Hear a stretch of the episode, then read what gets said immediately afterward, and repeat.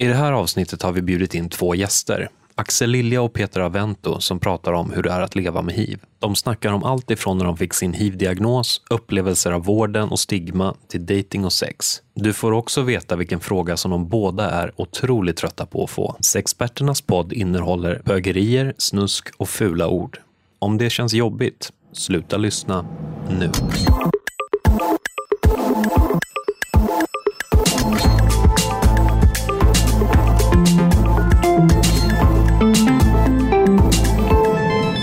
Jag heter Niklas och eh, det här är Sexperternas podd. Jag är tillbaka, jag har varit borta några, några avsnitt. Eh, mycket för att vi har tagit, eh, satt igång ett nytt projekt med en chemsexmottagning på RFC Stockholm. Men det är inte temat för dagens samtal. Dagens samtal är att leva med HIV. Och därför har jag bjudit in två stycken gäster. har ni lust att presentera er? Ja, mitt namn är Peter Avento. Och jag heter Axel Lilja. Välkomna hit. Tack. Tack. Vi har bjudit in er till podden för att, för att prata. Jag tänkte låta er pra, göra mestadels av pratandet. Eh, hade ni några tankar vad ni ville prata om på vägen hit idag? Ja, alltså jag har, det som jag tänkte var ganska så ehm, relevant och som jag funderat mycket kring är och som jag fascinerats över och reflekterat kring um, med tanke på att jag skulle vara med här är att jag, hur saker och ting har förändrats vad gäller dating för min del från att man fick liksom beskedet kring hur det ser ut idag. Att det mm. har skett en stor förändring. Ja, det är väl det som jag också har funderat mest kring egentligen också. Hur, hur skillnaden är. Och den är ganska stor. Eh, framförallt tycker jag det har skett en väldigt stor skillnad här i Stockholm. Från, från när jag fick det för, för sju, åtta år sedan och vad det är idag. Så där, där har man liksom skett en ganska stor utveckling till det positiva hållet. Så det är ju bra. Alltså där folk har ökat sitt kunnande kring det. Jag, jag, valde, jag valde själv att vara ganska öppen i positiv direkt när jag, det var som ett sätt att bearbeta det, var att liksom någonstans vara, var öppen från början. Så jag var det på alla sådana här appar, Grindr och sånt eh, ganska tidigt. Eh, och i, när jag, I början då, när jag fick det så kunde jag till och med ut, eller så få hotmeddelanden nästan i princip. Där det var liksom att jag borde dö för att det, det liksom, jag, jag sätter käppar i hjulet för andra människors sexliv. Typ. Alltså, jag vet inte, det var så bisarra, bisarra meddelanden. Som man ja. bara så här, ja, ja. Blandat med folk som faktiskt hade förstående, eller mer. Men, eh, men det var en ganska inskränkt eh, syn då. Och idag har jag, upplever jag att folk är väldigt informerade. Det tror jag faktiskt är en väldigt stor del av, av hela PEP-grejen som har gjort det. Faktiskt. Att man, Vad menar du med PEP-grejen? Alltså PEP kommer, har få, gjort att folk har sökt kunskap också. Alltså fått PEP eller PREP? PREP. Mm. Och det är min bild också. Eller också de personer som man träffar i dejtingsammanhang som, som går på PREP har liksom oftast en väldigt bra koll på vad, vad hiv är för någonting och vad det innebär att inte ha liksom, eh, detekterbara nivåer av virus så att det är omöjligt att överföra viruset. Exakt. Då, absolut. Ska vi reda ut lite snabbt bara för de som inte har koll. Vad är PREP och vad innebär med omätbara virusnivåer? Uh, ja, PREP är ju en, en uh, egentligen grund och botten en hiv-medicin som man använder till Eh, eh, som användes egentligen förr bland hiv-positiva. Idag använder man inte den så mycket till hiv-positiva. Men den används som för, förebyggande syfte. Du blir, du, du har, liksom, blir resist, nästan lite resistent för att ta emot viruset om du utsätts för det. Det är väl PREP. Mm. Och så omätbara nivåer är det att vi vi som hiv-positiva får ner våra virusnivåer till en omätbar nivå. Där vi inte då kan längre överföra viruset Mm. Det blir sövt kan man säga. Ja. In i våra kroppar. Och det är runt 95 procent i Sverige som har en diagnos som har en sån ospårbar nivå av virus som då inte eh, kan överföra viruset till någon annan via sex. Och sen så till följd av det då så eh, behöver man inte heller berätta att man lever med hiv innan man har sex. Så att den här informationsplikten som en del kanske känner till, den är inte relevant för den allra största majoriteten av personer som lever med hiv. Precis. Även fast jag känner att jag ändå vill berätta det för Mm. den jag har sex med. Ändå. För att det känns skönt att det liksom inte kommer ut från något annat håll. Eller, alltså, för att, ja, men eh, jag har varit med om historier som inte har varit sådär jättelyckade när, när, när, när, det, har, när, när det har hänt på fyllan och man inte har berätt, berättat. Eller det har liksom blivit att det inte har kommit fram. Och så har det kommit fram senare och det har blivit någon noja kring det hela. Mm. Eh, på grund av att personen i fråga inte då har haft en kunskap kring, kring Mm. hur det ligger till. Liksom. En sak som jag har funderat på också är att ibland så upplever jag också att till och med när liksom folk har väldigt bra kunskap kring vad det innebär att ha hiv, att det inte går att överföra så, så upplever man ändå det som att man vill att man ska berätta. Ehm, och att um, det finns liksom en känslomässig del där också som gör att folk ehm, känner att de vill veta innan eh, också. Och det är Alltså det, det är klurigt för jag tycker, eller jag tycker så här att man borde ha, alltså här, jag har förståelse för att, ehm, att man, har, man kan göra olika avväganden där som hiv-negativ kring vad man tycker är rimligt moraliskt sätt att göra eller att inte göra. Ehm, om man ska berätta eller inte. Och det har jag liksom stor respekt för. Eh, det som jag också har stor respekt för är att personer som är hiv-positiva, att de också i sin tur, som vi två då, lever med ett dilemma. Och att det är liksom ett klurigt, det är något klurigt att förhålla sig till. Att eh, vad man ska berätta, när man ska berätta, hur man ska berätta eller om man ska berätta. Och ehm, det önskar också mer förståelse för ibland också bland hiv-negativa. Så att jag tycker att vi som är hiv-positiva borde ha förståelse för att det är Ja, det är klurigt för oss båda, helt enkelt, båda grupperna. Tycker jag. Absolut, men det blir också väldigt klurigt. Alltså som, som, som hiv-positiv, eh, just den här, när ska man berätta? För Mm. det, det kan bli liksom en, en eh, och då ska jag säga det på dejten när vi har det så här sjukt trevligt. Ska jag bara säga, du förresten jag är hiv-positiv. Ja. Ska vi ligga med henne? precis. alltså Ja, det är så här, ja. när, kommer, när, när, när kommer man till den här bekväma punkten till att det, Nej, den, det, det kommer man ju sällan till. den Och, blir eh, bara alltid lite awkward. Ja, precis. Exakt. Det är så jag upp, har upplevt också när jag har berättat det. Att det blir ett konstigt litet avbrott. Man kan få lite höjda ögonbryn. Ehm, man får någon liksom person som blir väldigt chockad. Och, så ibland så är det också eh, att man inte, folk inte reagerar alls. Att det är liksom helt okej också. Så det kan verkligen vara blandat så. Men eh, det är sällan som att det är någonting sexigt. Så att det blir inte så att ah, men då går vi direkt till sängs sen efteråt kanske. Även om jag så här väldigt naivt har tänkt att det har varit en sexig grej just i med liksom att man står upp för sig själv och liksom man vågar liksom visa sig kanske sårbar och så här tänkt naivt nog att den andra skulle uppskatta det men, Fast- men inte riktigt Fast det där eh, så, kan, men typ. jag har upplevt, mitt ex var, var, var ändå lite så tycker jag när vi hade vår första dejt. När jag berättade att det var liksom, Mm. en, en, han tyckte nästan att det var, var liksom det mest standarda på hela dejten. Ja. För att jag verkligen var ärlig. Jag Ja. var så här öppen med någonting Ja. som ändå är ganska, kan vara ganska svårt. Liksom. Visst. Och jag vill, jag, jag vill tro det också att det finns killar som tycker att det är eh, någonting eh, ja, men beund, beundransvärt eller någonting som, liksom, eh, som, som de uppskattar. Och det, det är väl ganska ofta också som att jag upplevt att folk, upps, folk brukar uppskatta när man är eh, öppen. Så. Ja. Inte alltid, ibland så... nej. Eh, Det har också varit fall där ja, det blir inte av någonting efter man har berättat att man lever med hiv eller helt plötsligt så slutar man skriva. Eller Jag så. hade ett sånt fall för bara en, typ en månad sedan. med en kille som faktiskt också jobbar som sjuksköterska. Jag tyckte det var väldigt spännande. att det var jag, Eh, och han, vi hade pratat i så här, tre veckor typ. Till och från på, på liksom, eh, Grindr, sen Insta hade vi suttit och pratat. och sen ehm, eh, eh, när, när vi typ skulle ses så, så tänkte jag så här, jag berättade den innan. Och då var det så här, ja ah, men nu blev allting en annan dagar. Och sen dog kontakten ut helt. Mm. Och då hade vi pratat, det var ju mest så här flera gånger om dagen. Liksom. I, Ja. I några veckor. Liksom. Ja, trist. Så det, det, och det Ja. blir så här, men jag blir så chockad också att när man jobbar inom sjukvården tänker jag att borde man ha ändå... Ja, men ja. ja. Men, Ko- Konfrontera honom.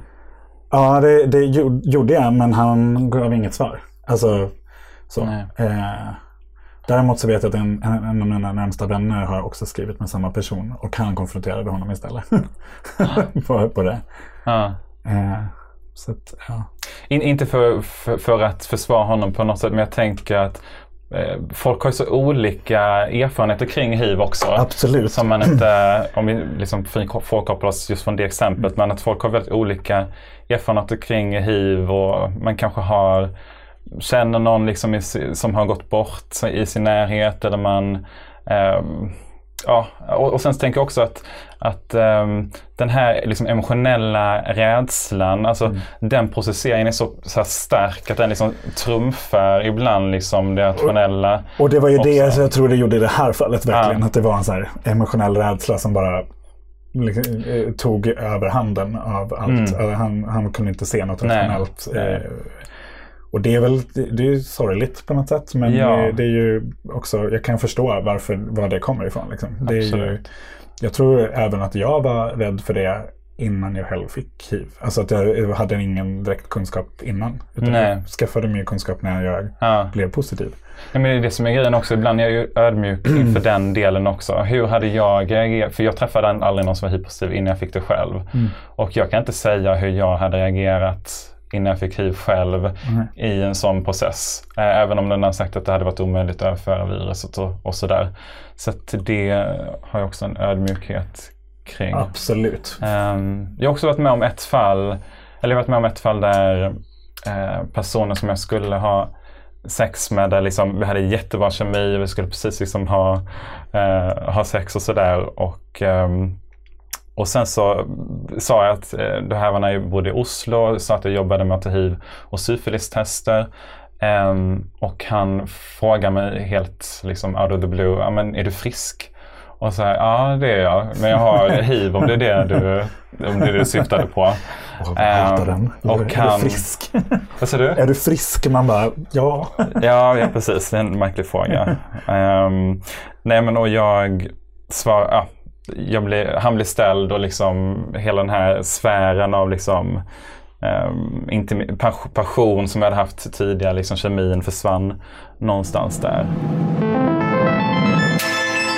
Men hur var det precis i början att få HIV? Blev det liksom, fick ni också en introduktion till något typ av hiv-positivt community? Finns det ett hiv-positivt community? Hur, hur, men ni är ju, är ju, tillhör ju liksom en yngre generation av hiv-positiva. Ja. Vi tillhör ju den generationen som, som visste att vi skulle överleva. Eh, för, för det första. Eh, ja, eh, jag vet inte. Alltså man fick väl lite så informationslappar om att det fanns liksom positiva gruppen. Och, ja, men du vet, alltså, det här kan du kontakta. Men alltså, community så vet jag inte riktigt. Jag tyckte var, däremot så, eftersom jag valde att vara öppen med det så upplevde jag att väldigt många tog kontakt med mig som jag till och med hade känt under flera år men aldrig hade berättat att de var hiv-positiva. Men då mm. vågade liksom berätta det. Eh, och, och, så. Så att jag, jag alltså, så på så sätt fick man väl kanske något community liksom genom att man, man eh, eh, liksom, folk jag redan kände som sen liksom, vi har det här tillsammans och kan prata om det. Liksom. Eh, men annars, nej, jag vet inte riktigt om det är en sån jätte... Alltså, jag är sådär, mindre intresserad så, tycker jag inte. Nej, och för min del var det lite annorlunda. För jag blev ändå introducerad på ett sätt. För att jag, direkt efter jag fick mitt besked så fick jag liksom erbjudande om att gå till en organisation som ja, motsvarar lite RFSL. Um, i Norge då som heter Hälsoutvalget. Mm. Um, och där fick jag direkt efter mitt besked prata med en hiv-positiv kille. Um, som var extremt viktigt för mig att få prata med honom på så många olika sätt. För att tidigare så hade liksom sjuksköterskan berättat om ja, att du kommer kunna leva länge, det är omöjligt att överföra viruset om du går på en välfungerande behandling. Du kan skaffa barn om du vill det och så vidare. Men det blev så pass mycket mer trovärdigt sen när, när den samma information gavs av den här killen som levde med hiv. Och bara liksom att få se honom Eh, hans, att han såg liksom glad ut och välmående. så bara det gav så otroligt mycket att jag kunde inse att eh, man kommer kunna leva, alltså ha ett bra liv också med, med hiv kunde jag se genom honom. Mm. Och sen också att jag kunde få prata kring ja, men dating, hur har han gjort när han har träffat andra? Hur ska man, när ska man berätta, hur ska man berätta, eh, ska man berätta? Alla de frågorna fick jag liksom ställa till honom. Så det var ex, extremt viktigt. Och sen det i sin tur ledde mig in till att jag sen också började jobba med att ta hiv och syfilistestning på hälsoutvalget. Så det blev också en fin cirkel där. Men fick du söka dig dit själv eller var det de, fanns det någon form av att de kontaktade dig? Eller liksom så, eller? Det var sjuksköterskan som föreslog det, att jag kunde få göra det om, om jag ville. Mm. Och så tackade jag till det så fick jag gå direkt ifrån mottagningen då till... eh, Det var ju bra. För så, var det, så upplevde jag inte att det var. Det var mer Nej. så här, du kan kontakta mm, ja, men, de här. Mm. De finns liksom. ja, Så då blir det ju på något sätt en tröskel. Att man, alltså, hur ska jag, alltså, ska jag ringa dit? Alltså jag vet inte om jag orkar det. Alltså, Nej, nej. alltså det blir som, Mm, hade någon bara sagt gå dit nu, då hade jag Ja. kanske gjort det. För då hade det bara Ja. blivit som en radiostyrd. Men, men jag tycker inte det var, jag upplever, in, eller så, nej, jag upplever att det var en ganska stor tröskel för att ta, ta kontakt med dem, den typen av organisationer. Just då i alla det, fall. ja, det förstår jag verkligen. Det hade Ehm. nog inte jag heller gjort i det första. Ehm, nej, så det, det, det är riktigt bra och det var också eh, lyxigt att få det erbjudandet. För att, liksom, att bo i Oslo som är en större stad. Jag menar, Mm. får man ett hivbesked i mindre orter så finns ju inte de typen av projekt heller där man har möjlighet att träffa andra Mm. eh, hiv-positiva. Mm. Nej, Det finns ju onlineforum och sådana saker. Var det någonting som ni, som ni kikade på? Jag tänker så här, Cruiser har ju flera onlineforum för hiv-positiva. Det finns säkerligen på Facebook också. Fanns det som ett option? Som en där låg tröskel in i, men jag kan tänka mig att, att kontakta en organisation blir ju så himla, stå på, knacka på. ja, Det blir ju så verkligt. Ett, hiv- ett eh, internetforum kan ju vara, liksom, eller en digital plattform. Kan ibland vara Ja. låg tröskel. Jag vet inte, alltså. Ja, det, det hade nog kunnat vara. Jag tror inte jag själv aktivt sökte det då, så att jag vet inte. Men, men det blev. För det blev, det blev så naturligt, eller i och med att jag valde då att vara öppen efter några månader bara, så blev det att folk, jag kom i kontakt med människor då som, som, som ändå var redan rätt nära mig. Så då blev det ändå att jag valde den vägen tror jag. Men, men eh, absolut, så, och jag tänker att idag så finns det ännu mer forum, alltså lättare att hitta de här forumen och mer liksom jag tycker också det är skillnad om man går till VM-hälsan idag. Alltså det finns mer, mer liksom kanaler. Att du kan, du kan hitta liksom bara på den där lilla informationsbänken. Liksom, att du hittar, det finns fler Mm. kanaler än bara några få som, var- som var mer stora organisationer förut. Liksom. Så det finns ju mer möjlighet. Och, Mm. eh, tänker jag. Och sen också att jag tror att de är duktigare på att, att ge den informationen idag. Det tror jag också. Ja, För min del så var det inte... Jag kände, jag kände att det räckte med den kontakten som jag fick, med den här killen. Så därför kände jag inte något behov att leta vidare eh, bland andra. Ehm, och jag kände, jag kände inte heller något...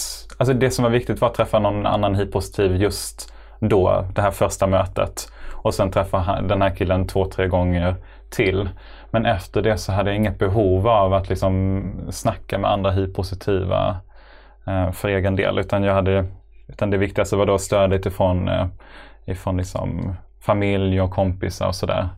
Och det hade lite liknande historia därför att jag valde också att berätta väldigt tidigt eh, att, jag, ja, att jag hade hiv. Så att redan efter, egentligen efter de första två dagarna så hade jag berättat för de flesta Ehm, nära. Och det i motsats till den rekommendationen som jag fick från sjuksköterskan också. Som var lite problematisk för hon tyckte att jag skulle hålla det för mig själv. Och det har jag hört andra historier från andra som lever med hiv att, att man ibland får den rekommendationen. Och det var i någon, slags om, i någon slags omtanke som hon sa det också att om man i den här initiala fasen av, av chock liksom väljer att berätta det så, så eh, kanske man ångrar det sen, eh, menade hon på. Ja, det är inte, du kan ju inte ta tillbaka det. Så det, Nej, det precis. det, det, sen var det mycket det här, jag fick det att det är också så här med arbetsplatsen. Alltså att du, du vet så här, skulle, att det var så de sa, men du ska berätta inte för mig, för det kan tas illa. Eller du vet. Ja. Och man bara så här, ja.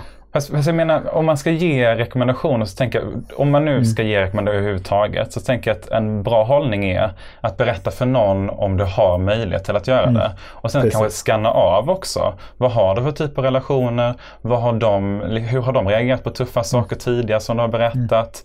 Alltså, hade man ställt de typerna av frågorna till mig så hade rekommendationen blivit liksom en helt annan än vad den faktiskt blev. Eh, så det är det.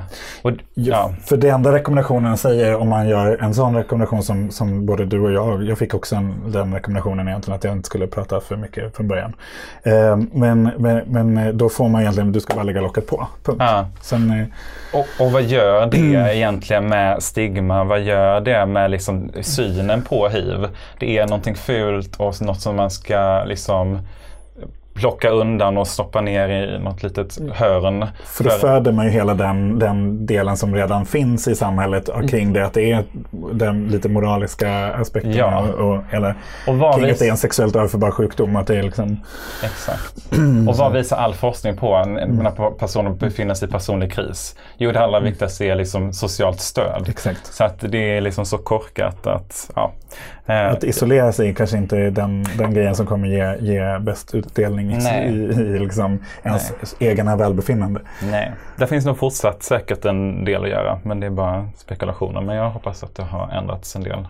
Men jag är nog övertygad om att det har det. Med tanke på också hur, om man tittar på hur, liksom, hur, hur människor idag överlag har inställningen kring hiv. Och, och Ja. vetska, eller så här, kunskapen är, är enormt mycket större än vad den var för några år sedan. Liksom. Ja. Men, Eh, mm, men med det sagt så tänker jag också att det är så, eller för min egna del nu så liksom eh, plugga på universitetet och liksom rör mig i kretsar där man liksom har väldigt god liksom, kunskap kring, kring hiv. Att ibland så tänker jag att jag är nog ganska så, alltså när jag varit ute och föreläst runt om i landet så är det fortfarande på nivån att man tror att det ska gå att överföra vid att hångla till exempel. Eller till och med ibland fysisk kontakt. Jag har varit på något ställe där man har liksom inte varit, kommit till fritidsgården för att jag ska dit för man är rädd att liksom Det kanske ska kommer via överföras. luften. Ja, ja men Alltså verkligen. det- ja. Jo, nej men, och, ja, någon gång också där liksom en lärare har gått fram i efterhand och sagt att hon tyckte det var så stort och så fint att se liksom att en kille skakade hand med mig. Som liksom hade pratat, varit så orolig liksom i veckor innan jag skulle komma dit. Så att det, det, det är väldigt olika nivåer på kunskap eh, runt om i landet. Eh, och sen så jobbade jag på, när jag fick mitt besked också, eh, så jag jobbade på lager. Och när jag berättade det för en eh, en kollega på jobbet, han liksom ryggar tillbaka så här och bara Hur överförs det? Precis som att liksom jag bara skulle nudda vid honom så skulle han få det.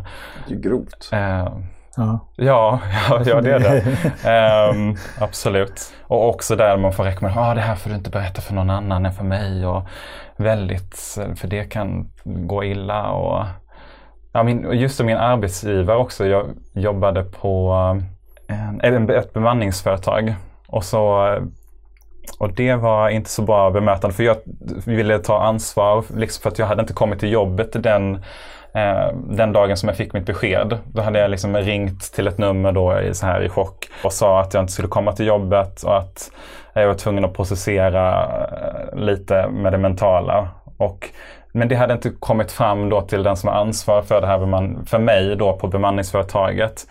Um, så att uh, när jag träffade henne och, och förklarade då varför inte jag hade kunnat komma på jobbet så tyckte hon så otroligt synd om sig själv.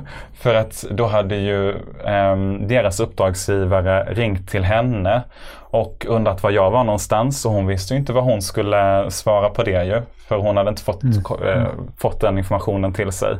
Ehm, och det var ju otroligt pinsamt och jobbigt för, för hennes del. Buhu, buhu. Ja, Alltså, ja det, blev så, det blev så märkligt och jag liksom så här ja, berättar då att jag precis fått reda på att jag lever med hiv och så är det synd, om, synd om henne. Ja.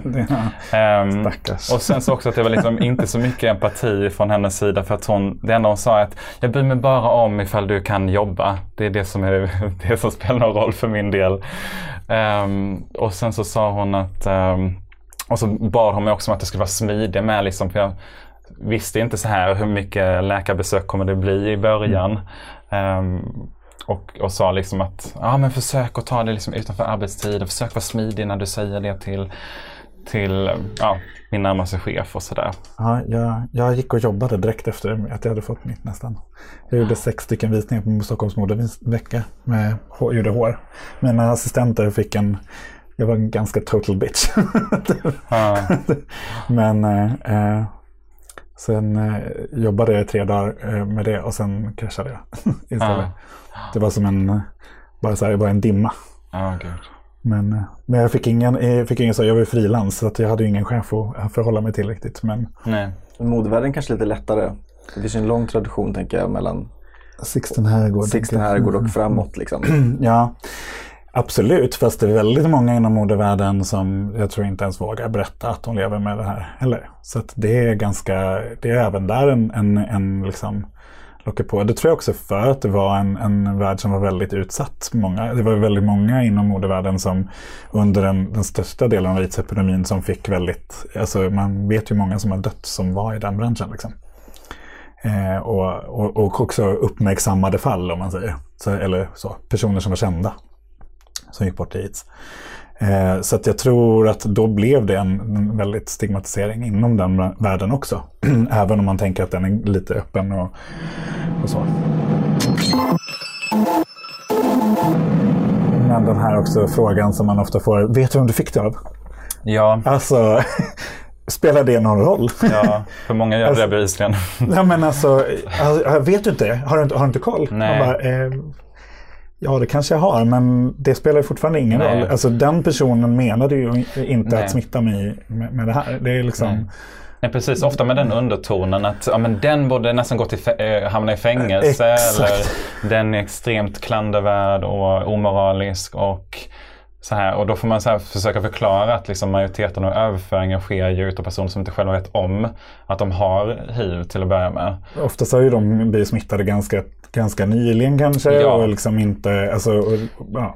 ja, och sen också man är, man är två och har sex också. det är inte en part utan mm. förhoppningsvis har det funnits samtycke och uh, man Precis. har båda liksom dansat tango. Och då får båda ja, så, ja, det är ju bådas, ans ja, det är ju bådas ansvar. Och så, så, men men liksom, det är ju ingens fel att det Nej. sker. Liksom, eller att det händer, en överföring sker. Det är så, Nej. Ja, Nej, det är så otroligt, happens, liksom. ja, det är så otroligt moralistiskt och tråkigt synsätt på, på människan. Att man tvunget ska hitta liksom någon som har skuld. Liksom. Men den, är ju, den tycker jag är vanlig fortfarande idag. Den, den just, och just den här ja. frågan, bara, vem fick du det av? Alltså, ja, absolut. Och, ja. och, och den, den frågan, idag är den lite känslig och liksom, den kan jag svara på utan att den är jobbig. Mm. Men de första åren när folk ställde den frågan så tyckte jag att det var jobbigt. Eh, väldigt jobbigt. Och också för att det handlade ofta om, när folk ställde den frågan så var det för att man ville göra en, en bedömning för sig själv man vill liksom kontrollera mot mig som lever med hiv. Ja, hur har den personen levt? Och så vill man kunna lära sig av det. Och se, ja men då kanske jag har en risk för att få hiv. Eller då har jag ingen risk för att få hiv. Så att, och sen är det liksom bara det som man är intresserad av. Ingen följdfråga på det. Mm. Ingen fråga liksom, hur mår du? Hur har du det? Utan man bara är mm. intresserad för liksom egen personlig ja. eh, saks skull. Och det, då tycker jag att då kan du uh, hålla käften. Det tycker jag också. Det, men men, men jag, har, jag har den hållningen att jag faktiskt inte... Jag, jag brukar säga att jag tycker att det där är skitsamma. Alltså jag tycker inte du behöver... Eller vi behöver inte prata om vem som gav mig eller inte gav. Alltså det, vill säga, det, det, är så här, det har ingen relevans. Liksom. Jag, jag hade sex, jag fick, jag fick hiv och det, det är liksom that's it. Det, mm. det, det var ingens fel. Jag... Eh, helt enkelt.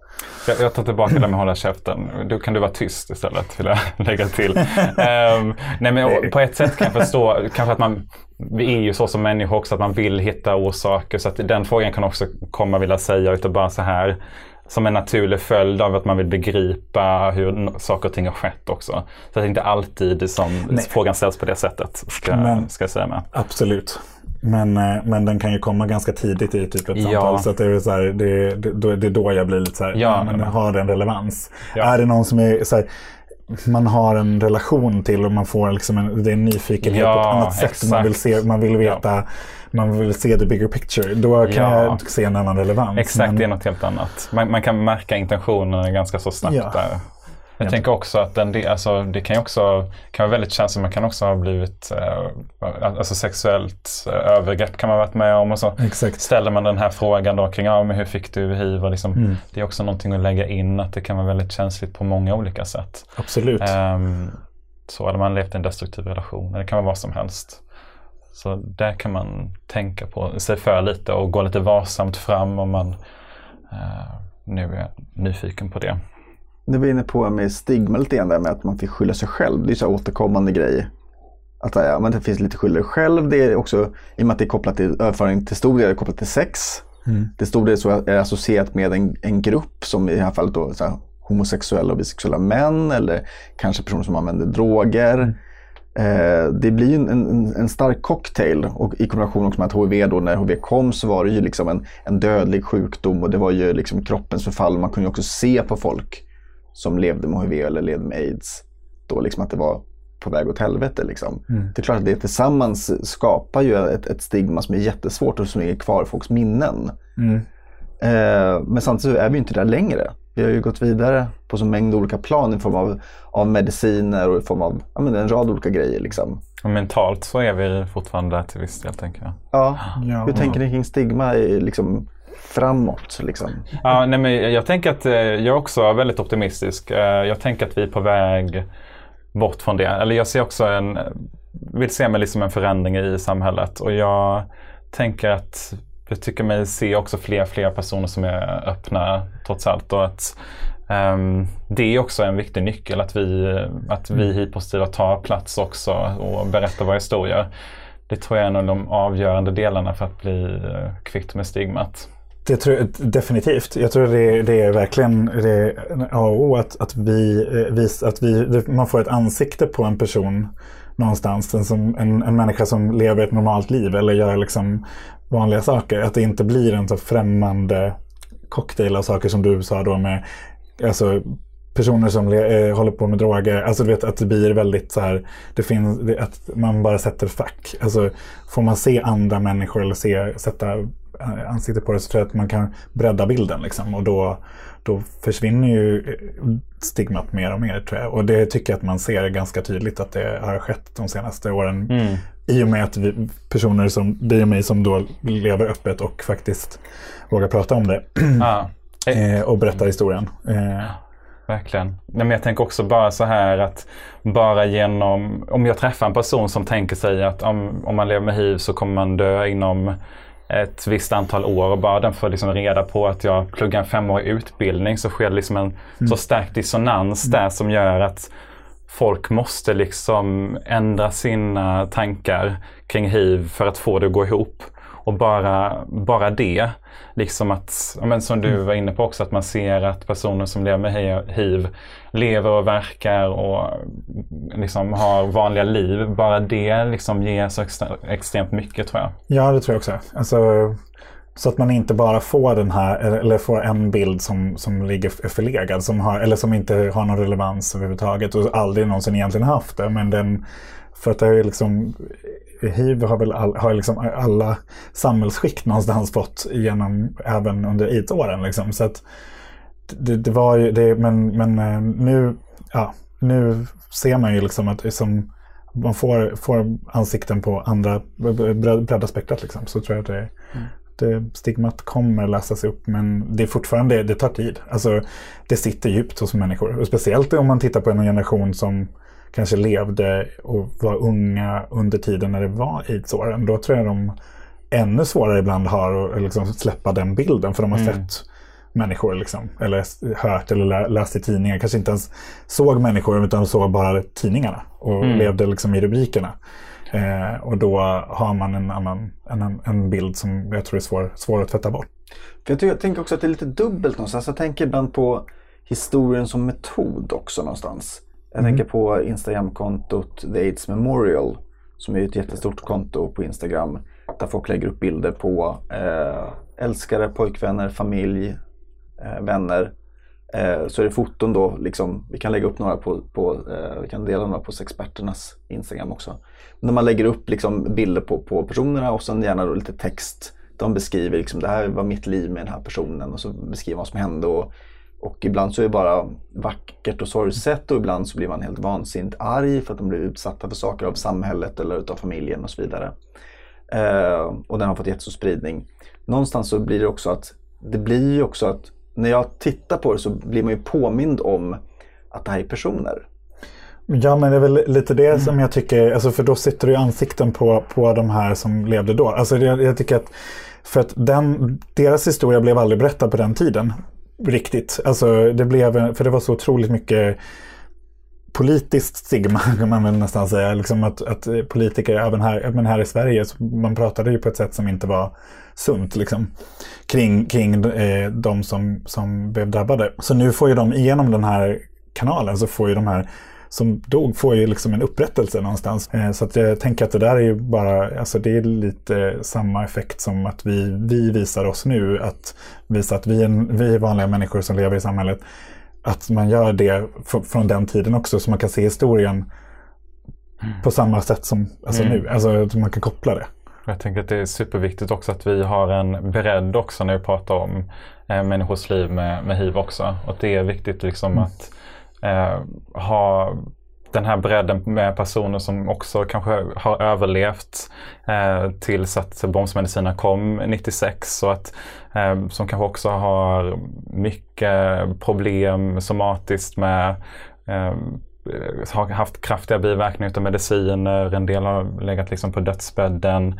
Um, och att det är liksom vi, eh, för ibland så upplever jag liksom att man måste, en del i debatten i, inom hivfältet, att man, en del liksom drar åt nej, vi ska ha fokus liksom på de här berättelserna medan andra eh, drar åt, att, drar åt hållet att vi ska bara berätta om liksom alla framsteg och hur enkelt och bra det går att leva med hiv idag. Men det är så viktigt att behålla bredden i, eh, i mm. debatten. Men det, det tänker jag liksom lite med allt när det gäller att man behöver visa historien och allt i alla perspektiv någonstans mm. för att man ska förstå bilden. Mm. Om man bara visar the glory, liksom det som är så här, åh, så fint och fantastiskt nu för att vi har så mm. bra mediciner och alla mår så bra. Eh, då blir det, alltså, det, det, det blir lite tafatt och liksom, man behöver få veta, alltså jag tror att det är bra att veta den biten för att kunna förstå hur, hur eller kunna förstå hur det är att leva med det idag också. Och, och sen är det viktigt att, att kunna sin historia. Så jag tycker det är en stor del av, och framförallt om man är då homobisexuell man, så alltså jag tror att man behöver veta den här historien. För det var en så stor del av våran våran liksom utveckling. Liksom. Och det stigmatiserade hela vår utveckling också. För att från att vi hade en mm. ganska frigörelse där vi ville kunna bli accepterade för den vi var i samhället och få leva på det sättet vi vill leva, inte, inte leva efter en heteronormativ eh, liksom, världsbild. Eh, och lyckades komma ganska långt i den så kom aids och sen mm. blev det väldigt det många år som var väldigt eh, liksom, dunkla i den, ja. den själva liksom, resan. Eh, eh, och, och, det tror jag är väldigt här, viktigt att veta. Alltså, ett, Mm, verkligen. Oj. Ja, förlåt. Ja, nej, och nu kan vi ju liksom på något sätt för att vi har medicinerna kommit så långt och vi har prepp och sådana saker, då kan liksom någonstans hela den här resan börja lite igen också med att vi frigör oss lite i, från det heteronormativa sättet att leva kanske. Jag vet inte.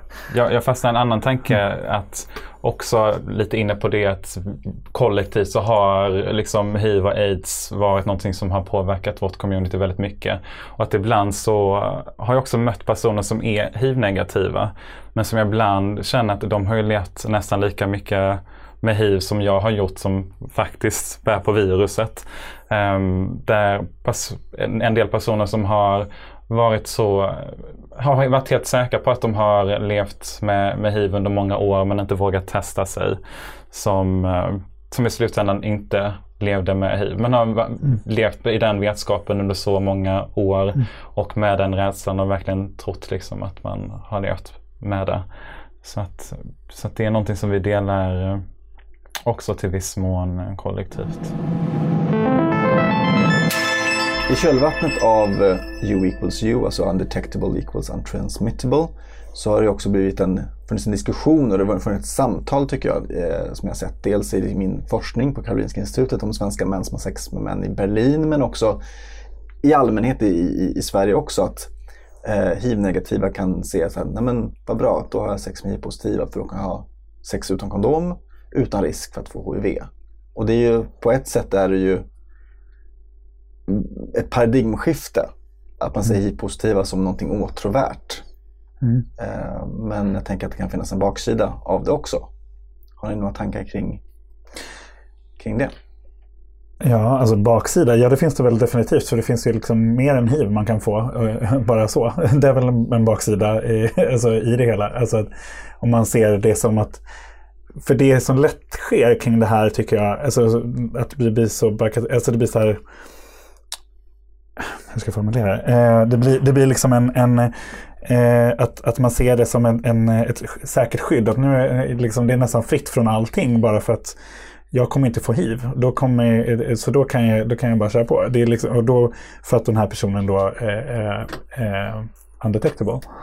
Eh, och det blir ju det blir någon form av falsk trygghet. För vi har ju andra sjukdomar som också kommer alltså, upp och on, on the rise. Liksom, mm. som, som någonstans Alltså så här, supergonorré eller men du vet, ja. alltså det, det, finns ju andra saker som, som kan ligga runt hörnet som, som kanske är ännu värre egentligen, mm. alltså så än, än hiv. Eh, så det har väl, eh, men, men absolut. Eh, men, men det där, hela den grejen har ju väl ökat eh, överlag, att man tänker så. Att man tänker att det är liksom i, i jag tycker att framförallt under många år så upplevde jag det mer i så här, ja, men Berlin, London, alltså så här, i andra storstäder eh, världen över. Men det har även kommit hit nu, liksom, den tankegången. Liksom, att man är... Mm. Det, det, och, och, också, så här, också att man förutsätter att är man hiv-positiv så har man alltid oskyddat sex. Ja. Det är, en, det är liksom en, en nästan förutsättning, tycker folk då. Ja. Många gånger.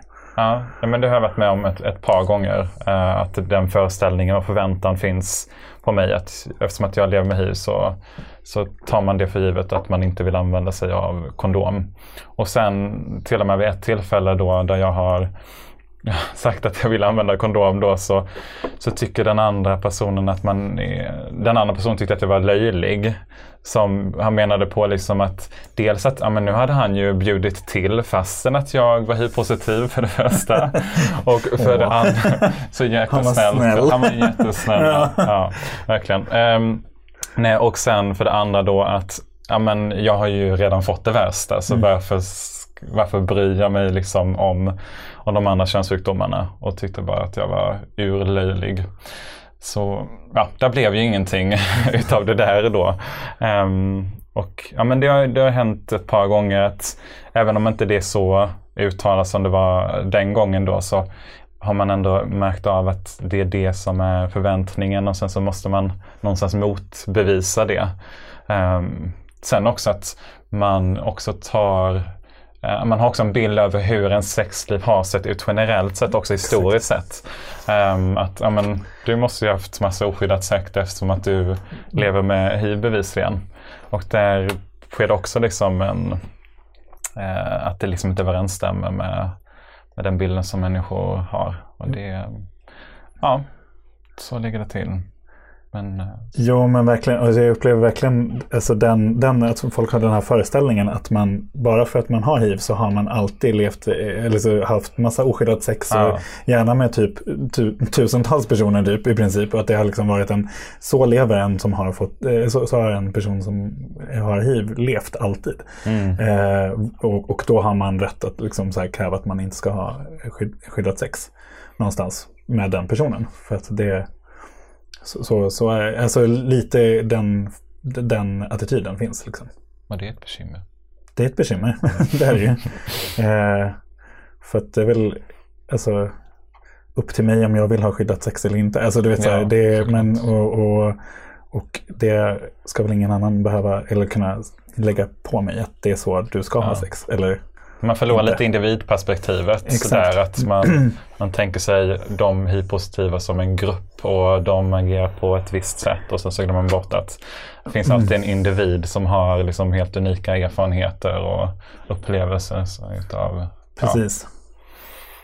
Och man kan ju faktiskt ha fått hiv första gången man hade sex. Ja. Eh, Och, eh, och du kan ha fått hiv när, för att kondomen gick sönder. Alltså, så du hade skyddat sex fast du inte visste att det... Eller så, Ja, det finns så alla det finns alla möjliga... Eller, Mm. ja. Vi börjar närma oss eh, poddens avslut. Finns det någonting ni vill slänga med?